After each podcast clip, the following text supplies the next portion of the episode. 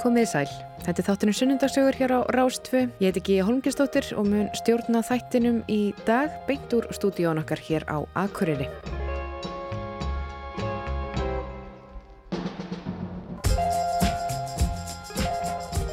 Og gestur minn í dag er hann Haraldur Ingólfsson.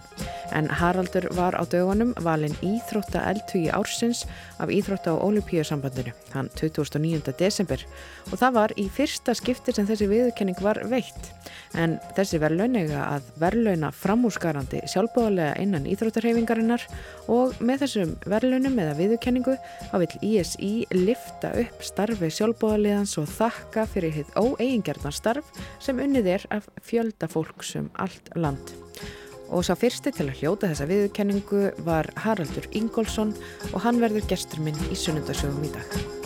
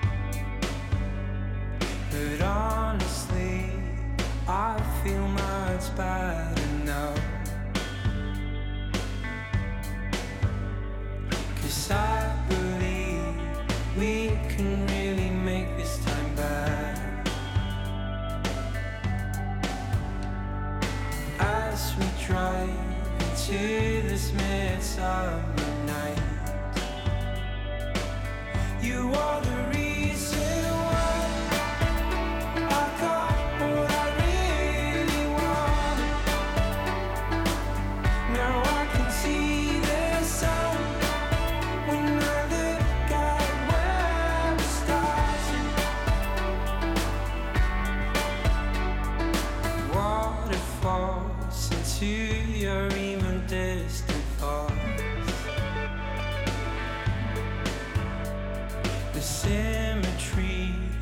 á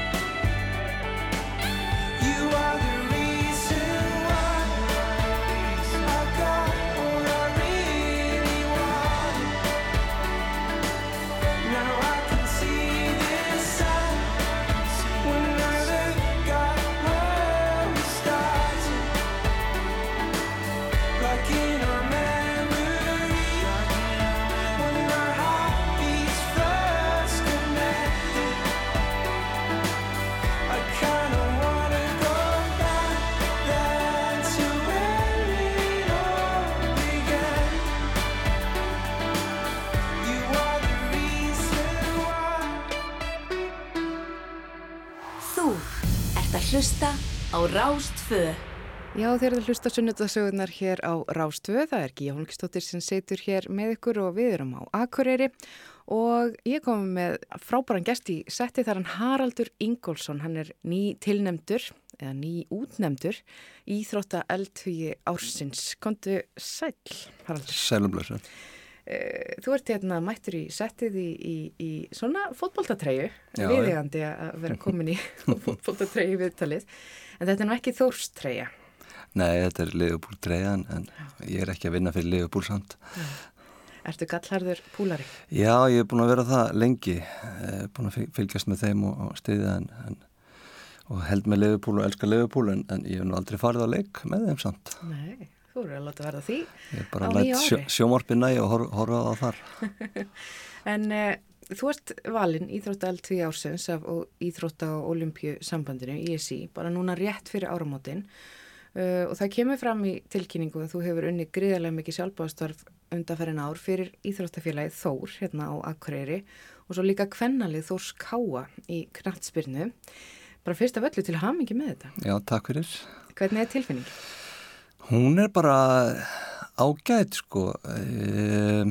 Það, er, það er mjög gott að fá klapp á baki fyrir það sem að maður er að gera. Mér er svona ég veit ekki alveg, mér finnst svona pínulítið verið að íkja hvað ég gerir mikið sko.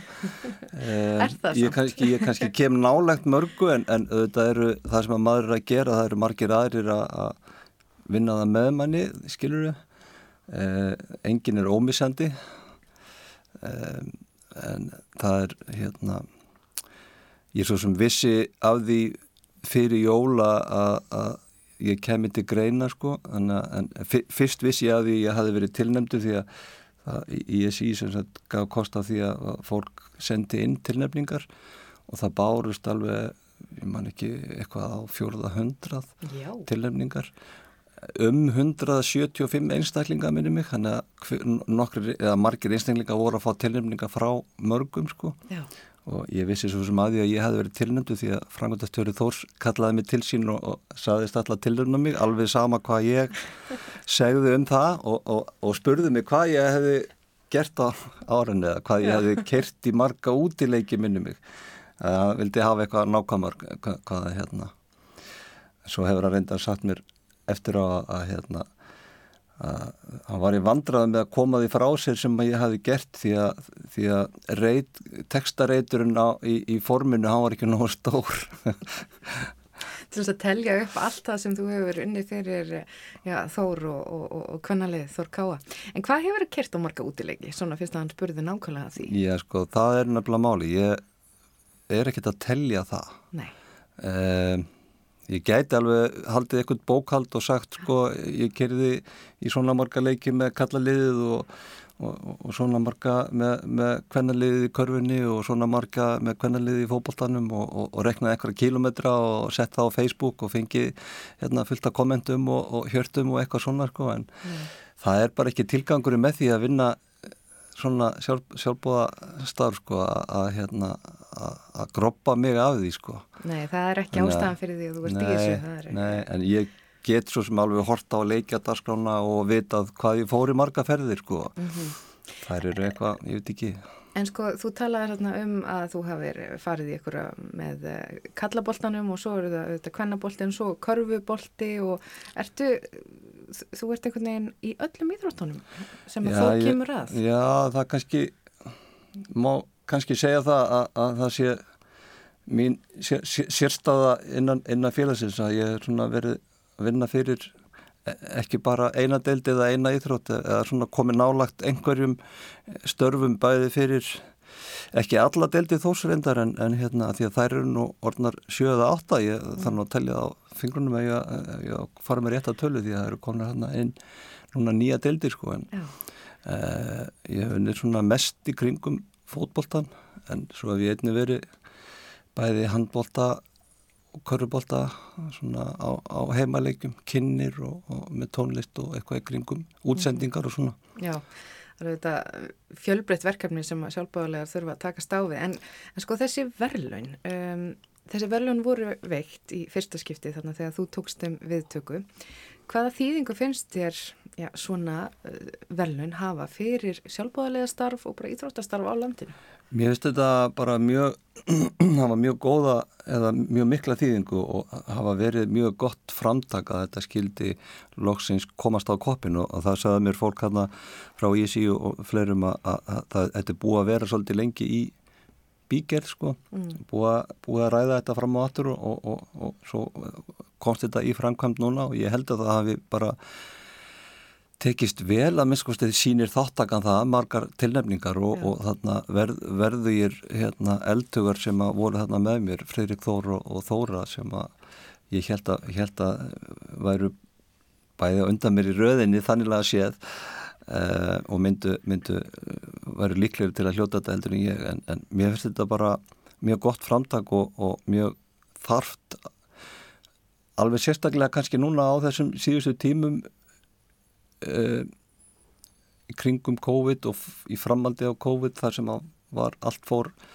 á hausinn eða upp í loft hvernig það voru það að, hérna, minna á mikilvægi sjálfbúa starfsins sko því að það væru engar íþróttahetjur eða engin íþróttalið eða engin íþróttamót engin íþróttaleikir til eða væri ekki fólk að starfa í kringum þetta sem, sem er ekki að þykja, þykja laun. Um, ég líka svo sem alveg teki eftir því núna þegar ég er að hitta fólk núna eftir, eftir að ég fekk þessi veluna þau hafa mikla þýðingu fyrir bara félagi mitt og, og fólki í kringum mig. Eh, margir sem hafa líst því fyrir mér að sko, þetta hafi bara nánast verið eins og að horfa á lið vinna íþróttakeppni sko, fólk var að stökka upp úr sófanum og öskra sko hérna hérna, þegar þetta var tilkynnt sko en, en ég held að, að það sé bara allra mikilvægast að, að halda þessu á lofti að, að hversu mikilvægi sjálfbúðarlegar eru og því að það hefur held ég á síðustu árum við svona þróun í þá átt að það er alltaf e, aðeins erfiðara með hverju árinu að fá fólk í, í störf. Já margt annað að gera eh, fólk hefur ímsu eh, öðru að sinna og margt annað sem að er svona hvað mann segja, margskonar hérna, tómstundir og, og, og, og stöður sem að, sem að fólk vinnur og ekki allir hafa tíma til þess að standa í svona. En, en mér finnst líka mikilvægt að því sé haldið á lotti að, að þó að þú hafur ekki eins mikinn tíma og ég að þá er þinn tími fyrir eitthvað félag eða fyrir eitthvað málstað jafn dýrmætur því að alveg saman þótt að þú getur bara unnið eða, eða tekið að þér eitthvað eitt klukkutíma á viku eða eitthvað að þá skiptir hann mhm. líka máli sko. Já, já, margt smátt gerir eitt stórt og allt það. Um, en hvernig var svo aðdragandin að þessu, sko, þú varst hérna um, tilnemdur, sem sagt hluti af, hvað hva voru það margir, svona allt í allt þarna? Það voru 175 einstaklingar sem að fengu tilnefningu og mér skilst að það hafi verið hátt í 400 samtars tilnefningar. Já, og Ég, svo, svo var það e, e, eitthvað neginn mingað. Já, það var þarna valnemnd á vegum ISI sem fór í gegnum þetta allt saman og valdi á endanum okkur þrjú. Og hvernig var svo haft samband við þig eða hvað já, var gert? Já, Þóri Edda Elísdóttir, hérna, eh, stangastökvari sem margir kannast við. Eh, hún ringdi í mig. Ég var á leðinni hún ringdi mig á Þorlarsmess og ég var á leðinni niður gilið í halku og snjó ke keirandi. Og, hérna, og svaraði, svaraði síman sko og hérna ég ætlaði nú fyrst ekki að trúa því eiginlega en, en hérna. Að því það var smá rögglingur fyrst ringd hún í mig og, og, og kallaði mig Haldur að eitthvað skólast til á einhverjum blöðum þannig að ég held kannski hún var að reyna að ná sambandi við eitthvað annan sko en svo leiðrættist það og hérna og hún útskýrið þetta fyrir mér að mér væri bóðið að koma þarna sem einn af, einn af þrejum sem væri tilnæmt sko en, en ég vissi það ekkert fyrir ná hátíðinni bara fyrir ná augnablikinu þegar það var tilkynnt mm -hmm. að ég hefði hlotið þennan, þennan heiður sko. Já og uh, þú færði að vita hann á Þorlóksmessu að þú eigir að mæta í bæin í hörpu á þetta fína hóf uh, þú þurfti þá að leggja landundi fót Já, það vildur endur svo skemmtilega til að ég hafði þá þegar ákveðið að vera fyrir sunnanum áramótin hjá börnunum mínum og hérna og var hvort er á leið söður á samt dótturminni sem var elstu dótturminni sem var hérna eh, fyrir norðan í jólinn e, og svona stemdi á að fara söður 2007. 2008. eitthvað sluðis og, og hóið var 2009. þannig að þannig að það hittist nú ágætlega sko. Þannig að þetta smelt passaði allt saman Já, eiginlega held ég fyrsta skiptur sem ég er ekki á akkurir um áramót bara líklega í 20 ári eða eitthvað, ég er ekki alveg kláraði sko. að vera örlega dísetnar hérna út um allt að kippa í okkur að spotta. En við setjum hér í sunnundagsögum og gestur minn er Haraldur Ingólfsson, Íþrótta eldtugi ársins. Við skulum heyra smá tónlist og svo komum við aftur.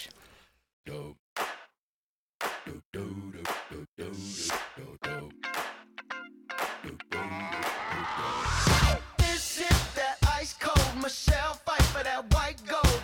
This one for them hood girls, them good girls, straight masterpieces. Stylin', wildin', living it up in the city. Got Chuck's on with Saint Laurent. Gotta kiss myself, I'm so pretty. I'm too hot. Call the police and the fireman. I'm too hot. Make a dragon wanna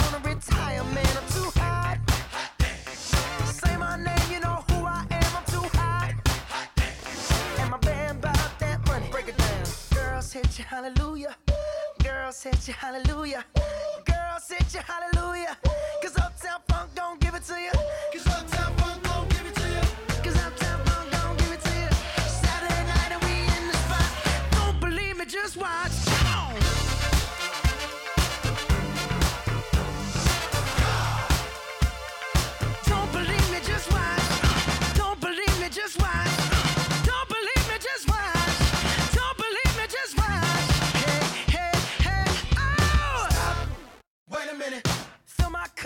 some nigga in it. Take a sip, sign the check.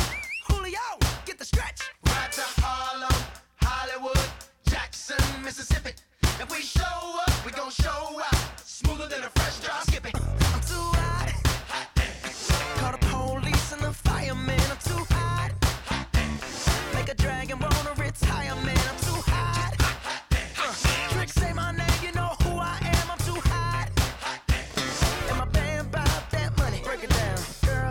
Hallelujah.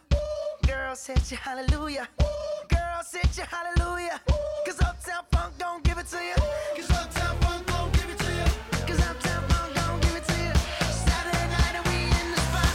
Don't believe me, just watch.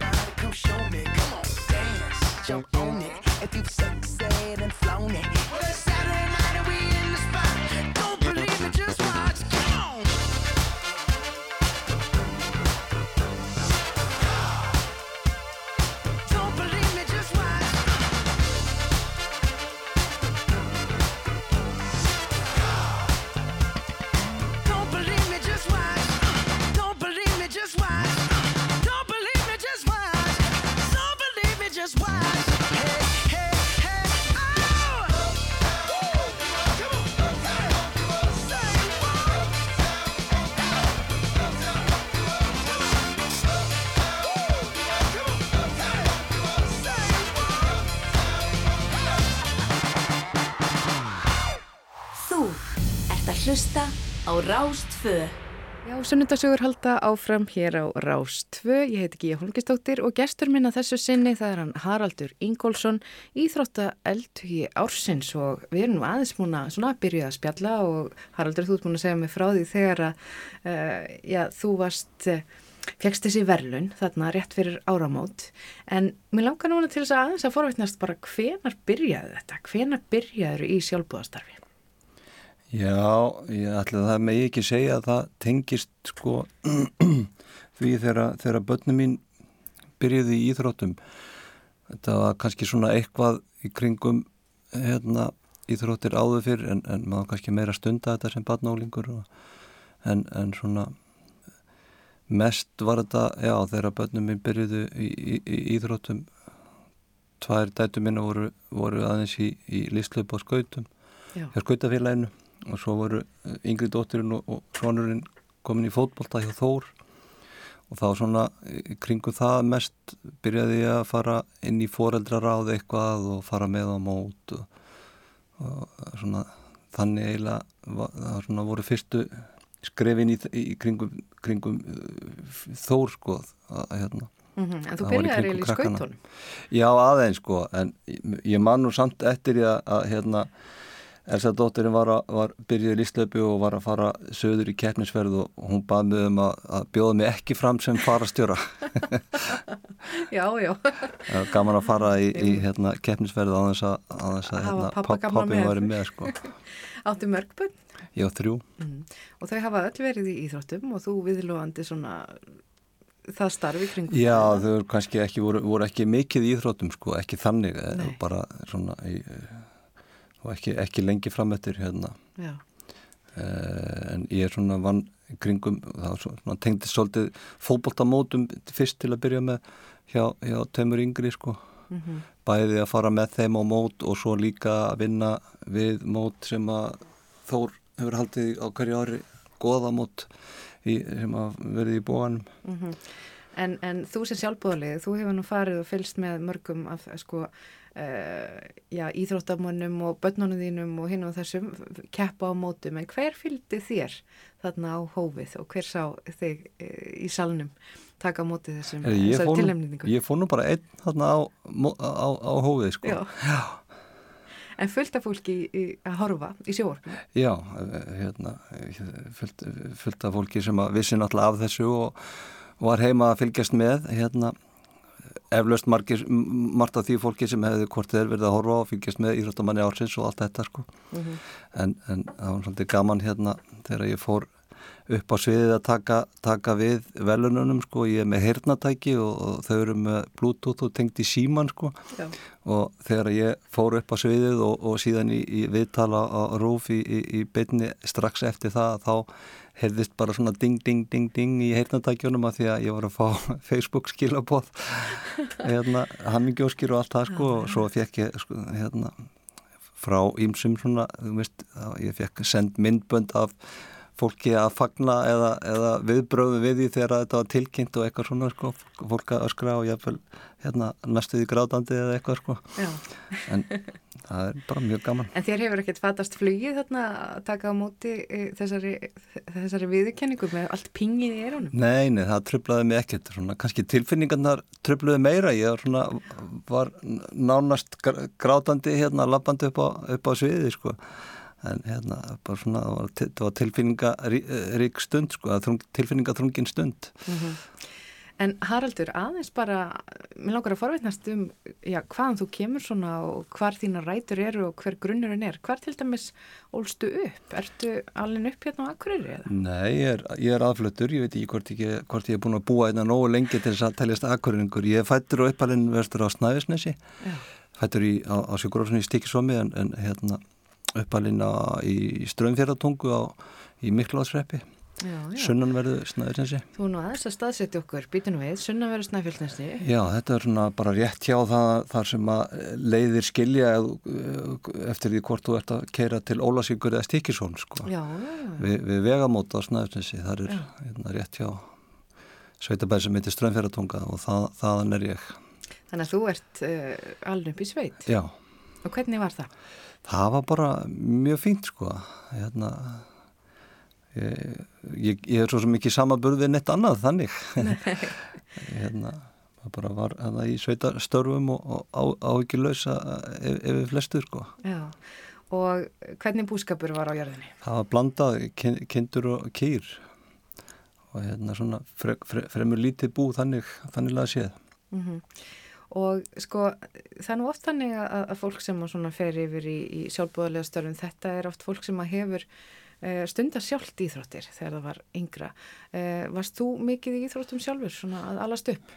Ég get ekki sagt að það hefði verið mikið sko en það var nú þarna rík hefð fyrir frjálsum íþróttum í, í sveitinni og hérna svona kynnslóðina undan mér þar voru hérna margir öflugir íþróttamenn og meiri sé sko ólumpíu fari frá, frá næsta bæ Já, það er Hérna, nú hansi vel gert. Hver var það? eh, Sigfús Sigursson Já, held ég að ég hafi farið rétt með hafi keft í kúluvarpi á ólimpíuleikum hann mun vera afi Sigfúsar sem var línumæður í handbólta landsliðinu einmitt, fisksalinn knái. já, Já, já.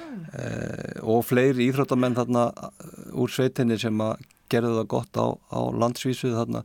Og aðalega kynslu svona kannski á undan mér en, en, en þannig að það var það voru reglulega frjálsýðjóta æfingar alltaf á sömrin og, og, og krakkarnir fóru bara flest í, í það og við vorum að keppa svona batna úlingamótum og mér gekk svona ágætlega í einhverju. Ég fór einhver tíman á einhver úlingamót að keppa á vesturlandsvísu eða eitthvað þannig sko, var svona eitthvað í 800 metrar hlaupi eða þrýstökki og eitthvað þannig. Mm.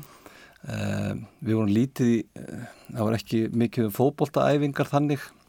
Uh, fengum þó loksins eftir svona nokkurt jafnli jamlu og föður að búa til fótboltamörk og setja inn á frjálfýrötavöllin á, á, á breyðabliki og svona það var svona meira kannski eftir að við vorum konir, konir kannski unglingsárin og, og, og eldri að við vorum að koma saman kannski öðru hverju og, og leika okkur í fókbalta en, mm.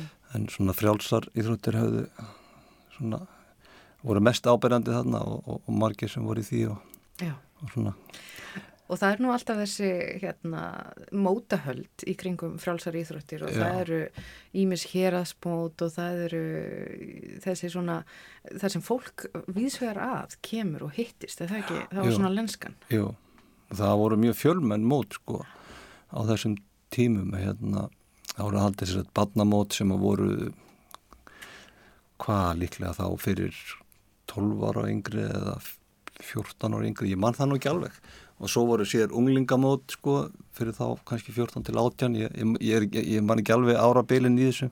Og svo hérasmót fyrir fullorna sko. Og þetta voru mjög fjölmenn mót mann ég átt sko. Mm -hmm. og fylgta og, og voru svona haldindi skiptis á, á, hérna, á stöðunum. Sko ég mann eftir ég hafa farið ég hafa keft einhverjum mann þegar ég var krakki á görðum í staðasveita sem að núna er, er kannski meira þekkt fyrir golvöll hérna og maður kannski fóð líka inn í grundafjörðu og stikir sólm og út í Ólasík og Hellisand. Mm -hmm. og svo kæft á bregðabliki líka Lísuhóli staðsett þannig að þetta, var, þetta gekk svona hringin og til, var til skipti sko. Og fullt af góð íþróttafólki á, á, á nesinu sko. Akkurat. Og hérna En ætlaður alltaf að verða, sko, ætlaður alltaf að eiga heima þarna og verða bóndi, var það svona stefnan? Nei. Eða leitaði hugurinn ekkert annað þegar þú varst yngri? Já, það var nú ekki svona beint á dagskrána hjá mér að verða bóndi þegar ég var barn, sko, og barn og úlingur, en, en, en uh, svona þegar það kom að ég að hugsa út í náma þá kom kom til dæmis sko búfræðin ekki til greina, ég var, svona, hafði meiri kannski áhuga á einhverju kringum verslun eða viðskipti eða eitthvað þannig. Tengdist kannski aðeins bara því að fyrsti vinnustæðurinn utan, utan heimilis var, var hérna útubú kaufélagsins á, á vegamótum sko, þar sem var, var að, komin í afgriðsleistörf kannski 15 ára eitthvað sluði sko.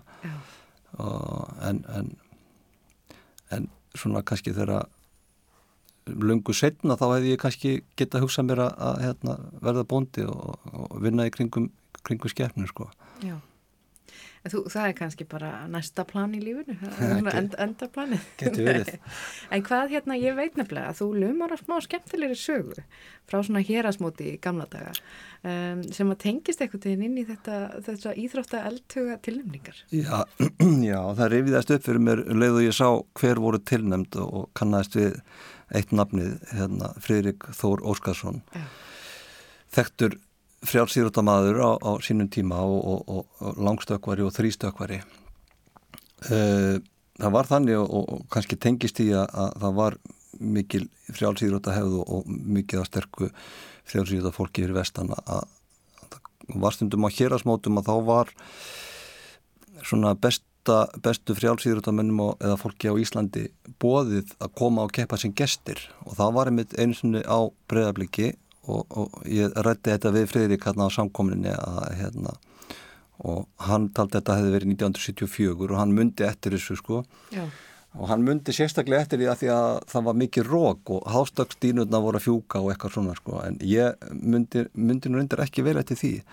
En þau voru þarna uh, man, eða samt hann og, og, og fleiri, man sérstaklega eftir honum og, og Erlendi Valdimar sinni kringlukastara uh, mér fannst og það er bara, ég veit ekki akkur ég man það okkur krökkunum fannst alveg geggjað að horfa á Friðrik Þór stökkva, langstökk og þrýstökka því að hann hafði eitthvað skemmtilegan stíl sem við höfðum ekki séð áður og einhvern veginn við köllum það bara að hann var að hjóla í loftinu. Hann svona sveiflaði fótónum einhvern veginn meðan þegar hann var að, var að svífa sko. Og hérna hann, hann myndi, myndi vel eftir þessu og hérna og fannst bara frábært að, að horfa á þessar hetjur sko því að maður alltaf fylgjast með þeim líka í, í, að keppa fyrir, fyrir landið og allt það sko Erlendi Valdimarsson var hérna besti kringlukastari landinu jafnvel með þeim betri í Európu á þessum tíma. Eh, hann var að kasta kringlu og ef ég man rétt að þá snýri kastgeirin einhvern veginn þannig að, hann, hans lengsta kast það fór yfir hlaupabrautina. Það sem að 100 metra hlaup er, er hlaupið en það var nokkið verið að hlaupa akkurat á þeim Nei. tíma. Og hinum megin við völlin var svona malar ás og kringlan lendi eiginlega utan í þessu malar ás sko þannig að e, ég held að hann hafi kastað sko eitthvað í kringu 65 metra eitthvað svo leiðis og ég veit ekki hvort að það var akkurat þetta kast en, en, en svona til þess að vita nákvæma lengd á því kasti þar sem að lendi í malarásnum þá þurfti eiginlega að nota Píþagórasar regluna sko, sjá hvar kringlan hefði lendi ef þetta hefði verið sléttlendi Svona hálfgerði líkinda reikningu bara. Já, Friðrik Þór sagði mér að hann á hátíðinu að hann myndi að þessa sömu helgi hafi verið Evrópumóti í, í, í frjálsum Já. og sá sem að kastaði lengst á því móti hafi ekki kastað eins langt og Erlendur Valdimarsson kastaði á breyðablíki þannig að þetta var, þetta var mjög skemmtilegt og mjög gaman að uh, hérna, og mér fannst mjög gaman að hitta, hitta Friðrik hérna og rifja þetta upp því að þetta er svona eitthvað úr minningunni hérna, sem, sem krakkið, þannig er ég 11 ára þetta er 70 74 og hérna, þetta, þetta er eitthvað sem ma- ma- mann man eftir sko. Já, og auðvitað skemmtileg tilviljun að- leiðir ykkar liggi saman þarna Já, á, á já. þessu hófi Já. rétt fyrir og árum. það líka skiptir máli sko fyrir börn og unglinga í íþróttum að það séu til hetjur eða hvað maður kalla það ekkur, ekkur, ekkur er fullotnir eða ekkur er í fremstu röð til þess að líta, líta upp til sko og, og sjá það að, það að maður hefur að einhverja að keppa að er eitthvað sem að ég get stenda að ef, ef mér langar að verða bestur eða ef mér langar að ná lengra eða ná árangri eða Já. að hafa fyrirmyndir til þess að líta upp til. Já. Eh, Við setjum hér í sunnundagsögum og gesturinn minn er Haraldur Ingólfsson, íþrótta eldhugi ársins. Við heyrum tónlist og komum svo aftur.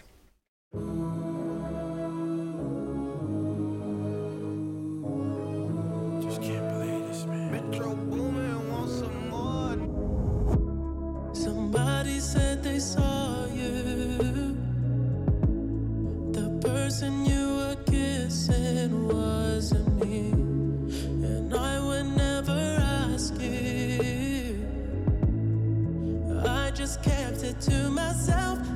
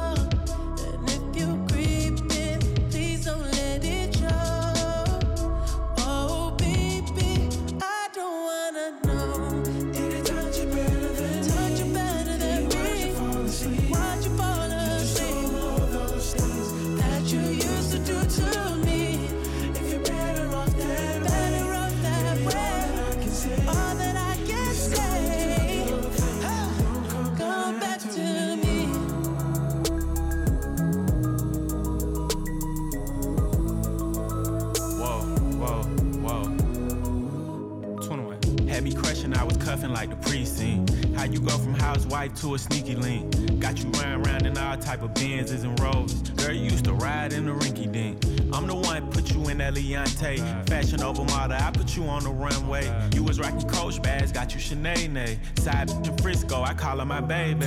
I got a girl, but I still feel alone. If you plan me, that mean my home ain't home. Having nightmares are going through your phone. Can't even record, you got me out my zone.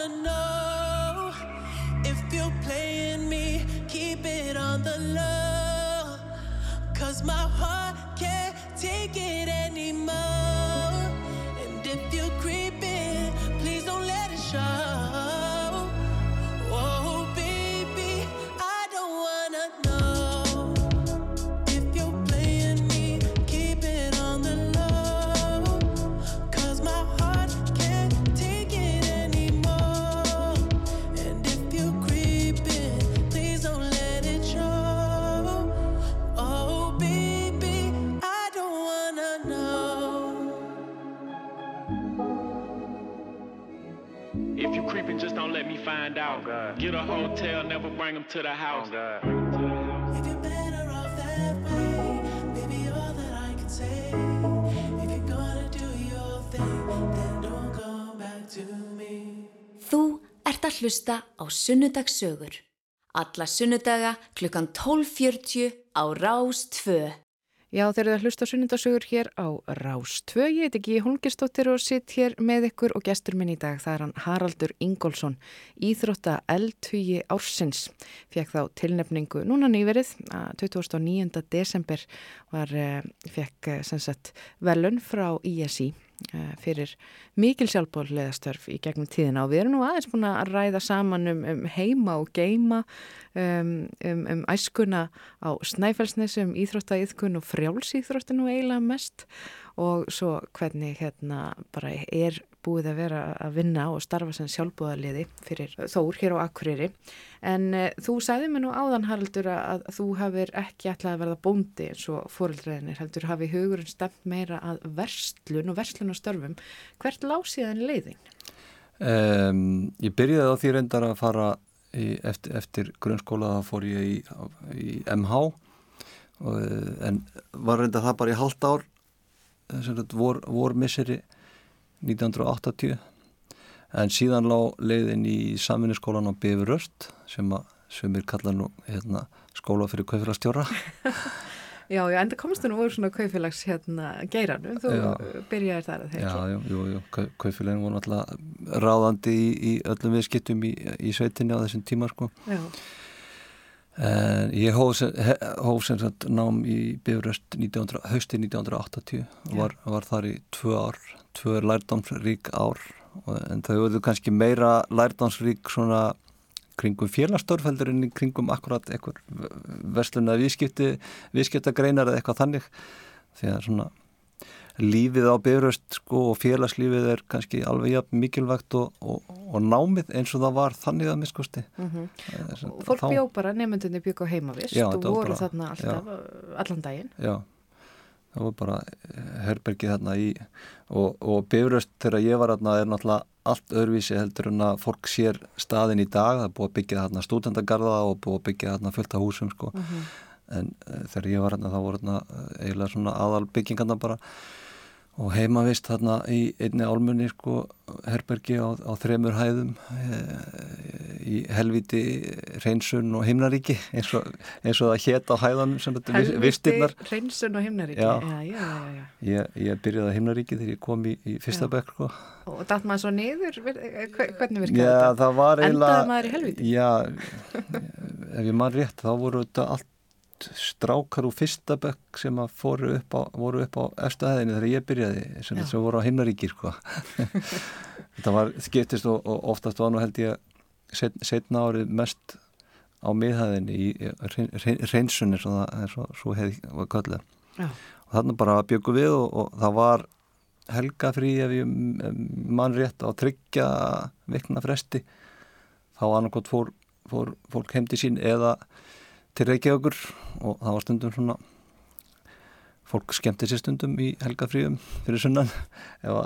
Hóp, hópaði sér saman fó, þau, þau sem fóru söður sko og einhver voru náttúrulega úr Reykjavík eða Reykjavík sveðinu en það var náttúrulega bara maður var hérna dag og nótt og, og, og, og alltaf eitthvað að gera Já, á kvöldin og um helgar akkurat. En hvað, hvað leggur þú svo fyrir þig? Þú ert þarna búið með samfunnuskólan sem er svona útunguna vel, eins og þú segir, fyrir kaufélagsstjóra. Ferðu yfir í kaufélagsbransan? Eftir Eh. það vættir eða hvert svona ferðu svo? sko, námið að bifröst þá fyrir vestlunapróf var tvö ár og síðan var framhaldsteild í Reykjavík sem að til þess að fyrir þau sem að vildi taka stúdenspróf ég tók mér hlið eftir þessi tvö ár og fór að vinna hjá samvinnutryggingum vil að merkja, sem að er forveri vís. Og vann þar í eitt ár og, og tók síðan stúdensprófi sko, þetta tveggjára nám. Uh, Jú, ég vann svo eh, einhver sömur fyrir vestan í, í útibúi kaufélagsins á vegamótum á, með náminu sko e eitthvað í borganissi líka hjá kaufélaginu. Pappi saði nú einhvern mann hérna sko þegar við flest börnin við vorum nú mörg sískinni sko vorum einhver tíman á einhver, einhverjum tíma í borganissi í vinnu sko. Uh, mjölkin fór í Borganes í, í, í mjölkursamlæðið og lömpin fór í sláturhúsið í Borganes hann, pappi sagði einhvern tíman að framleyslan fyrir bara öll í Borganes Já, bústofn og börn. e, Já, En, en, en svo flytur til Akureyrar uh, á einhverjum tímapunkti í lífinu. Hvað kom til þú og, og kemur hingað?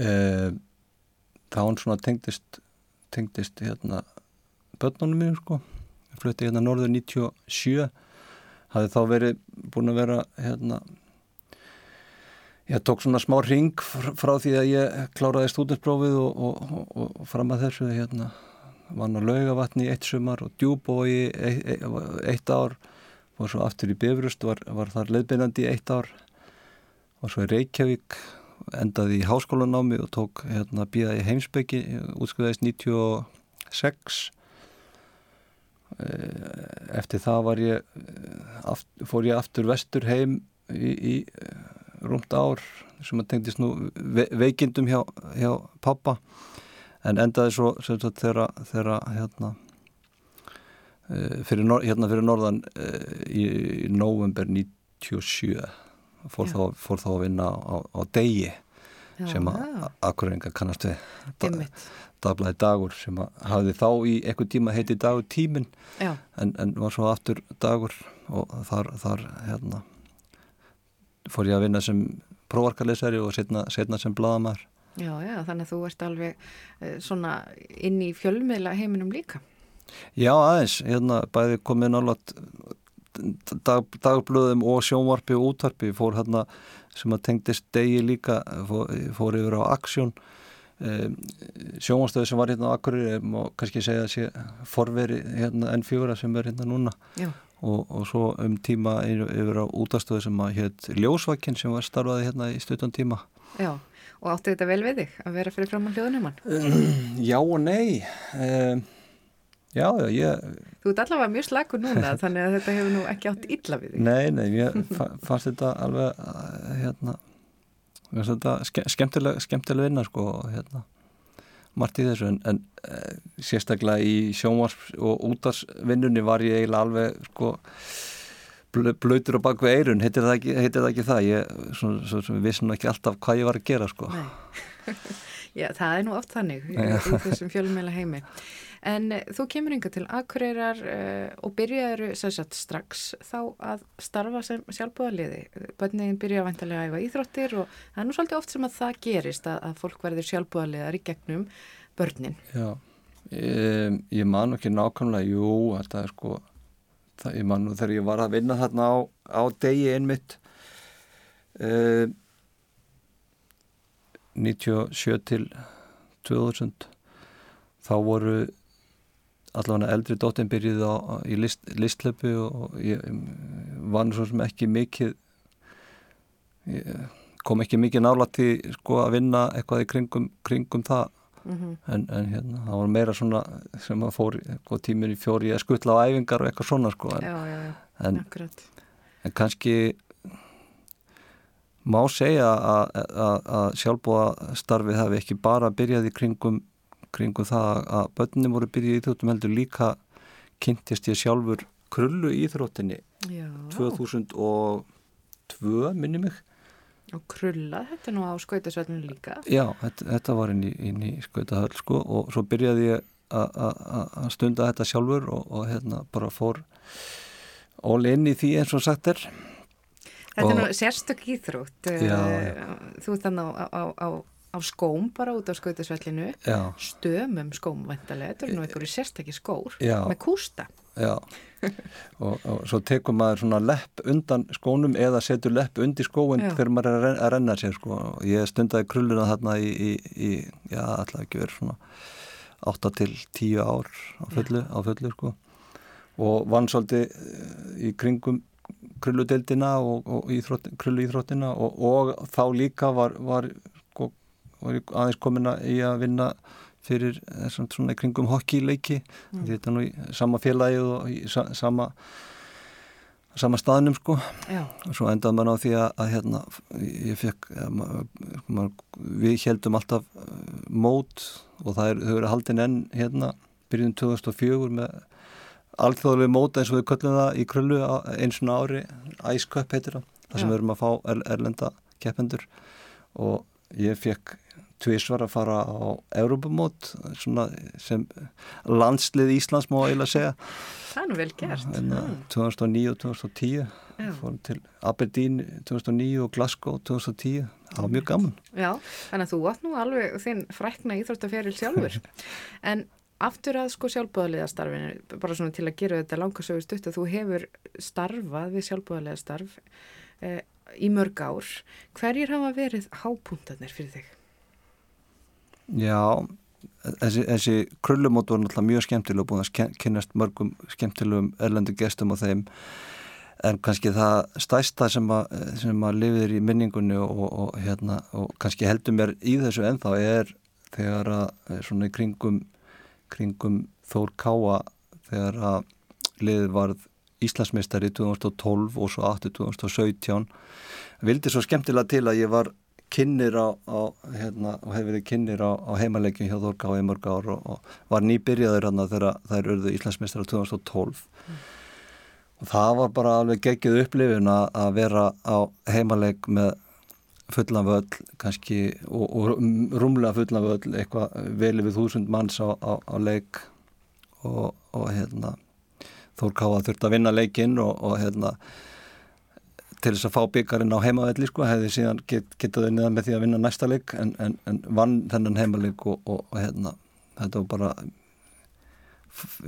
frábær upplifun að vera þarna og, og vera þáttangandi í því og kynna það þegar liðimanns verður Íslandsmyndari og svo aftur 2017 sem var meiri spenna í kringum að því að þá, þá var sem sagt Þór Káa að spila við FH ef ég mann rétt og, og þurftum að vinna þann leik og, og, og ef við hefðum ekki gert það þá hefði breyðablík með sigri geta unnið titilin og það leiði alveg fram á 70 og eitthvað mínútu þegar Þór Káa skoraði eh, loksins mark og, þá og svo aftur stuttu setna sko endaði, leikurinn endaði 2-0 og, og, og það var svona það var svona valla að ég gætt kynnt markaskorana þegar, við skoruðum sko því að Já. þetta var svo mikið geðsræring sko var bara hoppaði og öskraði og, og reyndi svo að segja hver skoraði sko og hérna Þetta er svona gæsa húðar Já, uh, moment já. sem maður segir. og, og það er kannski svona já, má, má, segja að, að svona augnablík hérna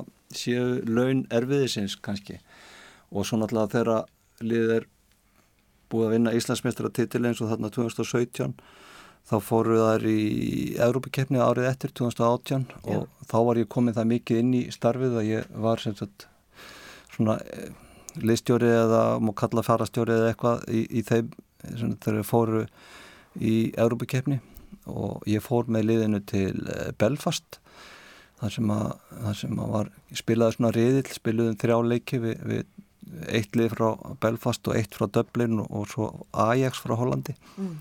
það var mjög skemmtileg ferð og skemmtileg upplöfum bara í kringu það allt þetta að hitta fólk sem sagt frá öðrum, öðrum liðum og, og, og, og mæta, mæta er, erlendum liðum á svona þessum vettvangi Já. Það er auðvitað rosa mikil reynsla sem að kemur inn í bara starfið Já. að, að taka þátt í svona keppni. Já, það er mikil sko, þetta er mikil svona regluverki kringu það að taka þátt í Europakefni og, og mikil vinna alls konar sko svona smáatriði sem að þú sér það ekki þegar þú ert að horfa á fótballtileik mikill undirbúningur og alls konar hérna sem að þarf að, þarf að gera við, sem Þór Káa fóð sem sagt sko áfram svo úr þessum reyðlu í, í 32 liða úrslit Europakefninar Já. eða mestaradeildarinnar eins og það heitir og það var þannig að, að hérna félagið hafi fengið bóðum að senda fulltrúa til uh, Nýjón í Sviss þar sem að höfustöðvar UEFA, Európska knastbyndisambansins er sem að senda fulltrúa til að vera viðstödd drottin í Já. 32 kjælega úslitin og, og það einhvern veginn svona stemdi í það að það kæmist enginn eða get enginn farið en hérna það var svona eiginlega í rútunni á leiðinni frá Belfast til Dublin og, og, og hérna eh, hafði einhver hérna úr stjórninni eða spurt mig eða hvort að ég hefði tök á að fara sko. Og þá var ég náttúrulega búinn að vera í fríi frá vinnu út af þessari ferð til Dublin og, og átt, að, átt að mæti vinnu. En hérna svo hugsaði ég að það hérna við verðum eiginlega eiga fulltrúa hérna, við, við þessa aðtöfn í nýjón og, og hérna sendi yfirmannum skilabóð, ég var þá að vinna í, í heildvöslun sem heitir Streymi sem er hérna með svona voru til myndýravarna já. Eh, ég sendi honum skilabóð og spurði hvort ég geti fengið auka frí að Mjög vinsælt. við, vorum að, le- við vorum að heimleiði á þriði degi ef ég maður rétt vorum við í rútunni á leiðinu frá Belfast til Dublin og til þess að fljúa heim frá, frá Dublin. Og, og hérna og það var sér að held ég sko síðustu forfið að láta UEFA vita Já, á þriði degi að, hver- kæmi og hvort það kæmi út bara út af flugi og gisting og eitthvað svona sko. og ég fekk, fekk hann auka frí og við sendum post sem sagt, Haraldur kemur og, og, hann kemur þarna og, og þá sem sagt gengur UEFA frá flugi og ég, við komum heim að þriði degi og ég var farin aftur til Reykjavíkur á fymtu degi og, og flög út að fymtas kvöldi og svo drátturinn á föstu degi Þetta er þetta magnað. Við setjum hérna saman Haraldur Ingólfsson, Íþrótta eldhugi ársins, þetta eru sunnudasögur hér á Rástvö. Eh, Það fer að, að siga á setni hlutan hjá okkur, heyrum smá tónlist og svo, svo heyrum við fleiri sögur frá honum Haraldi. Alvöru útsala múrbúðarinnar er núna. 15 til 50% afsláttur. Kólaportið er opið til klukkan 17 í dag. Verið velkomin. Kólaportið. Útsalan er hafin í rúmfattalagarnum. Sparið alltaf 50%. Rúmfattalagarin. Góð tilbúð.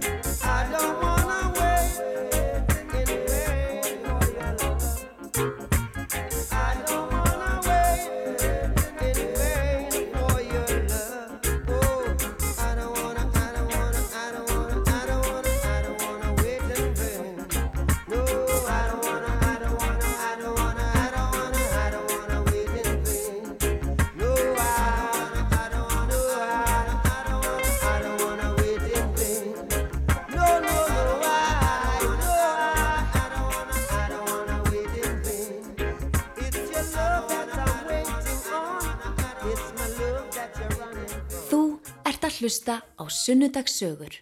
Alla sunnudaga klukkan 12.40 á Rás 2.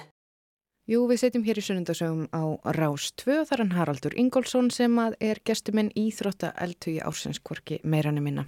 Haraldur, þú varst að segja mig sögu af því þegar að þú varst uh, sendur til höfustöðva UEFA.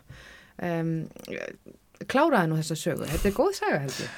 Já, þetta, hérna, ég endaði þarna á þann þar sem að var þar sem við vorum búin að ákveða að ég færi til nýjón að vera viðstættuð hennan drátt í 32 gælega úslitin og kom, kom heim á þriðudagskvöldi og farin aftur til Reykjavíkur á 50 degi og, og 15. kvöldi út og hérna lendi í Genf í Sviss Já. og sóttur á, á bara svörtum bens að hérna á vegum UEFA, kert til nýjón á hótel og svo bara hérna búið í mat í hátteginu daginn eftir og, og í höfustöðum UEFA og, og gaman að koma bara koma þangað og, þú veist það svona hérna alls konar að skoða þar svo sem fallegu, fallegu bær líka Og nýjón og þú varst þarna til þess að, að vera viðstættur þennan útrátt Já.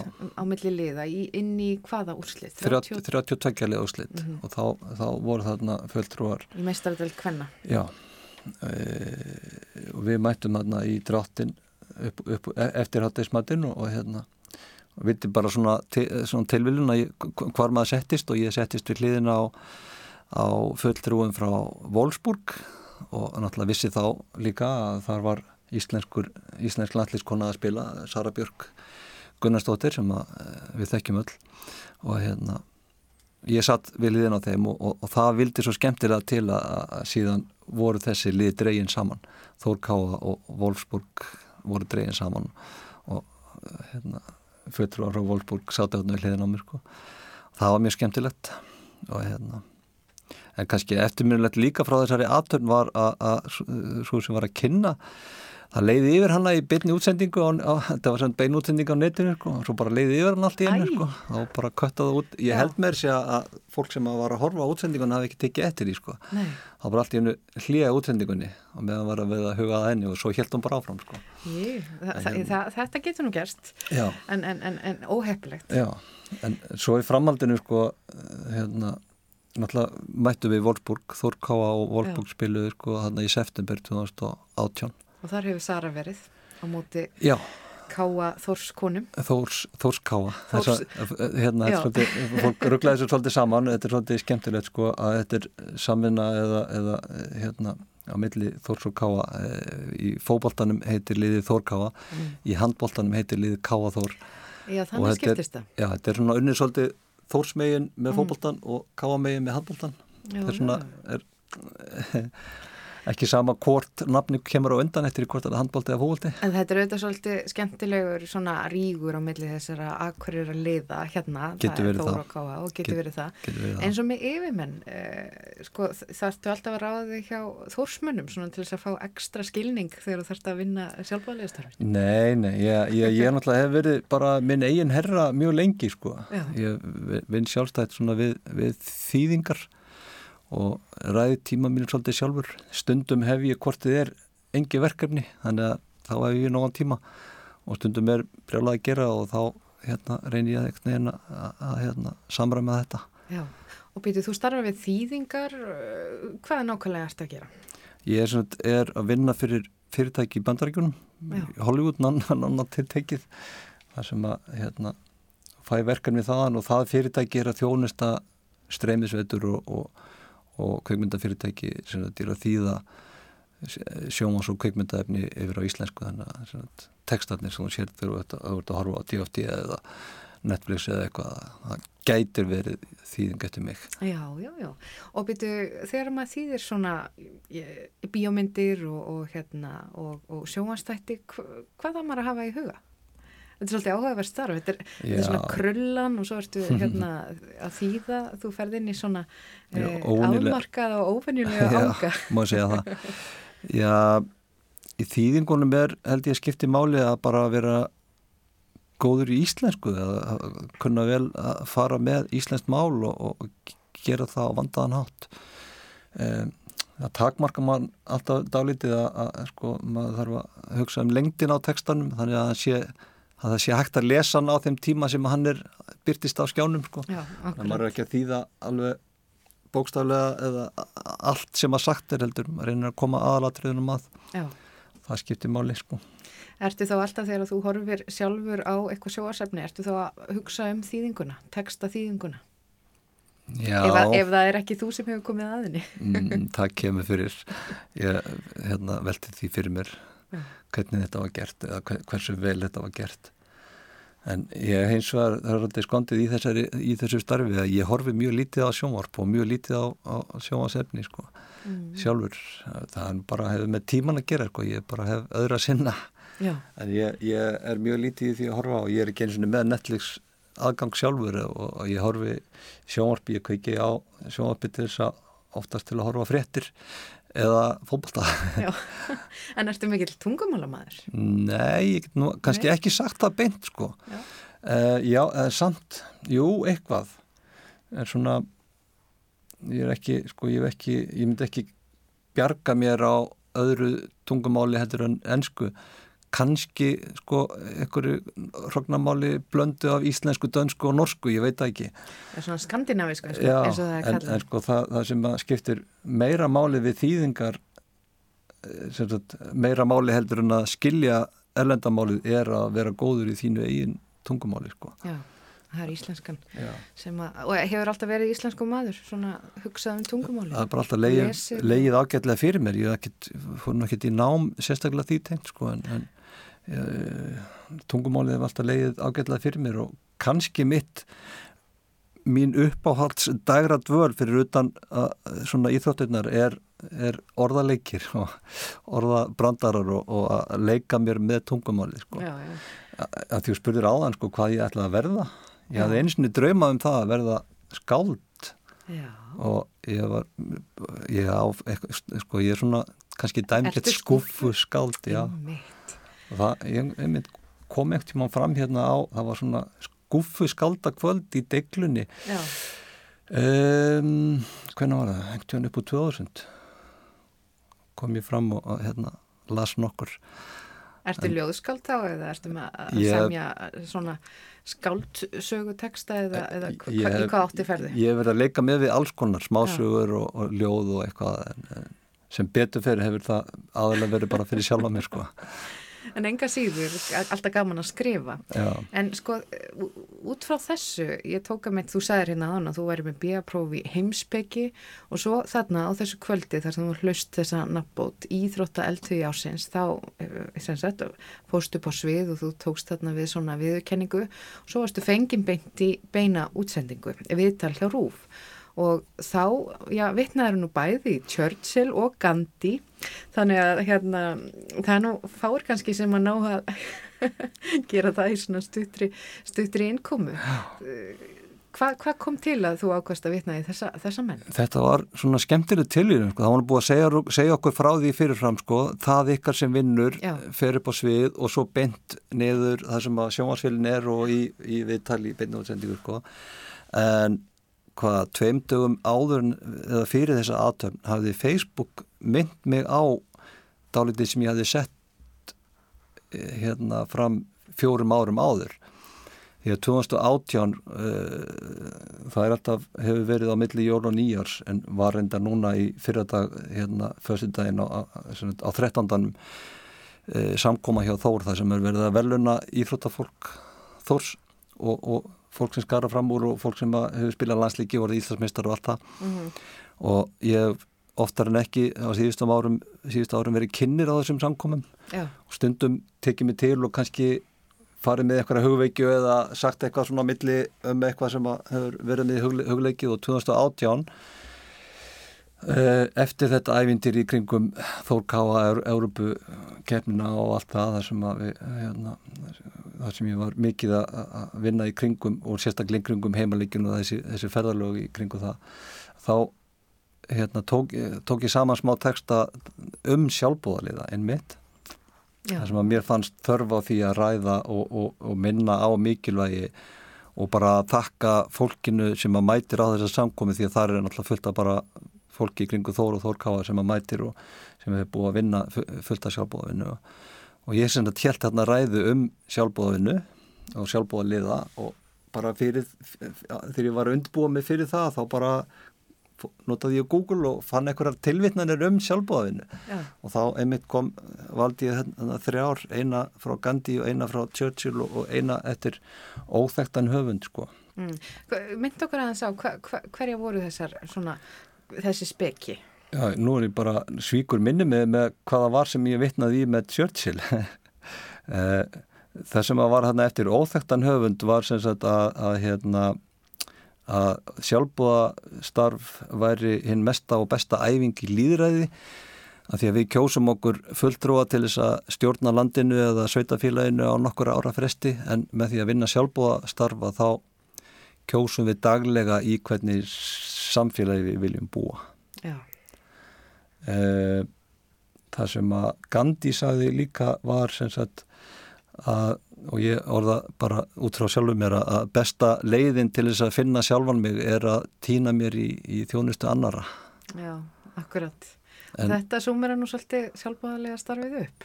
Já, Týna sér í þjónustu annara. það má segja það ég nú bara mann ég ekki nákvæmlega hvaða var sem að ég vi- vitnaði í Churchill sko Já. En það hlýtur að hafa verið eitthvað mjög viturlegt og sniðu. Já, Ég kannski við grifum það kannski upp á eftir í, í hlýinu. já, En um, svona að lokum, um, sko, þú ert núna orðin íþrótta eldhugi ársins, þetta er þessi verlun sem að ISI byrjaði að veita svona sjálfbúðaliðum sem að hafa ja, lagt líf og sál í, í sjálfbúðalega starfið. Um, svona lokum ykkur kvartningarorð til allra þessara sjálfbúðaliðum all land. já ég myndi bara segja sko alveg sama hvort að þú getur séð af einum klukkutíma í mánuði, einum klukkutíma í viku eða fjórum klukkutíma á dag. Hérna ekki, ekki vera feimin við að vinna þó það sé ekki eh, þó þú hafir lítinn tíma að þá skiptir það máli bara það að taka þátt í einhverju einu verkefni eða leggja eit- eitthvað að mörgum. Um, af því að þetta er, það er alltaf þörf fyrir marga mörg, mörg í, í, í, í störfin og, og þó, þó að fólk get ekki kannski helga sig þessum sjálfbáðstörfum og, og gefið marga, marga klukkutíma eða marga daga á viku eða eitthvað að þá skiptir það máli að, að hérna, taka þátt og, og hjálpa til og gefa að sér og gera það sem að, maður er góður í sko. Veist, það er, það er ekkert allir það, veist, ég hef verið mikið í því að vera kynnir á leikjum og alls konar en það er ekkert allir sem að þurfa að gera það Þú, það vantar fólk til þess að uh, gera bara alls konar mismunandi Já, verk sko. já, já. Það rými fyrir alls konar fólk að gera alls konar hluti sem sjálfbúðaliði Já. og það þarf ekki að taka svo langan tíma. Um, Haraldur Ingólfsson, hvað er svona framöndan næst í þínum sjálfbúðaliða störfum? Það er bara það sama hérna uh, fyl- fylgja mínu liði kynna á leikjum senda út streymið frá leikjum þó búninga, panta nýja búninga kom, mæta með vatn á æfingar eða hlæslu eða eitthvað og, og hjálpa til og bara gera alls konar Já, það eru litli hlutinir. já, Mm. Uh, Haraldur Ingólfsson, Íþrótta eldhugi ársins uh, verðlun frá ISI sem að þú veitir viðtöku núna bara í lok árs. Takk fyrir komin að hingað í sunnundasögur og takk fyrir að segja okkur frá svona þínu lífi, uh, þínum svona ferli og sérstaklega veit okkur einsinn inn í hvað það er að vera sjálfbúðaliði. Takk fyrir komina. takk fyrir mig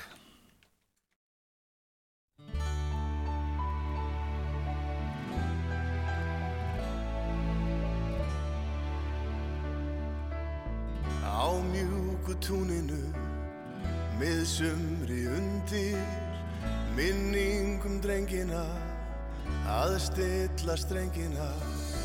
Lifir í huganum um langar stundir við lútum höfði þakkar skuld Hér liggja gamal grónar ætur Ég gleymi aldrei hver ég er. Í hjarta mínu er ég þórsari Er ég þórsari Er ég þórsari. Í hjarta mínu er ég þórsari Alltaf er ég þórsari Bjarsýn í öskuna frá fyrsta degi. Í forgang setjum við og hana hvetjum við og leggjum áfram grunn að lífsins vegi. Við lútum höfði þakkar skuld. Hér liggja gamal grónarætur Ég gleymi aldrei hver ég er. Í hjarta mínu er ég þósari Er ég þósari Er ég þósari Í hjarta mínu er ég þósari Alltaf er ég þósari Að vera þekk á voru landi er verst að ræða um og fólk að fræða um. Lífið er bræðralag, lifið sá andi Við lútum höfði þakkar skuld. Hér liggja gamal grónarætur Ég gleymi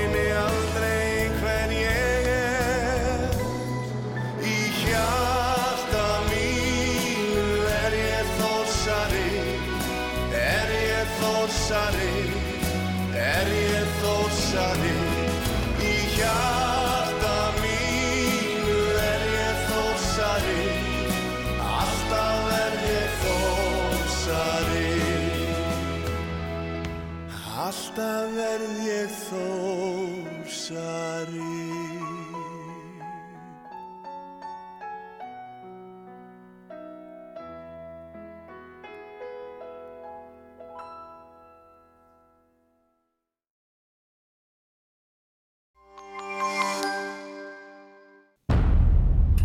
Ég er með leik. Síman á borðið. Og meðan við borðum, þá lesum við upp átt öll skilaboð, ítum á spíkar þegar einhver ringir og skoðum alla myndir. Frá hverjum? Ég þrái líka maður. Villibráð. Komin í bíó.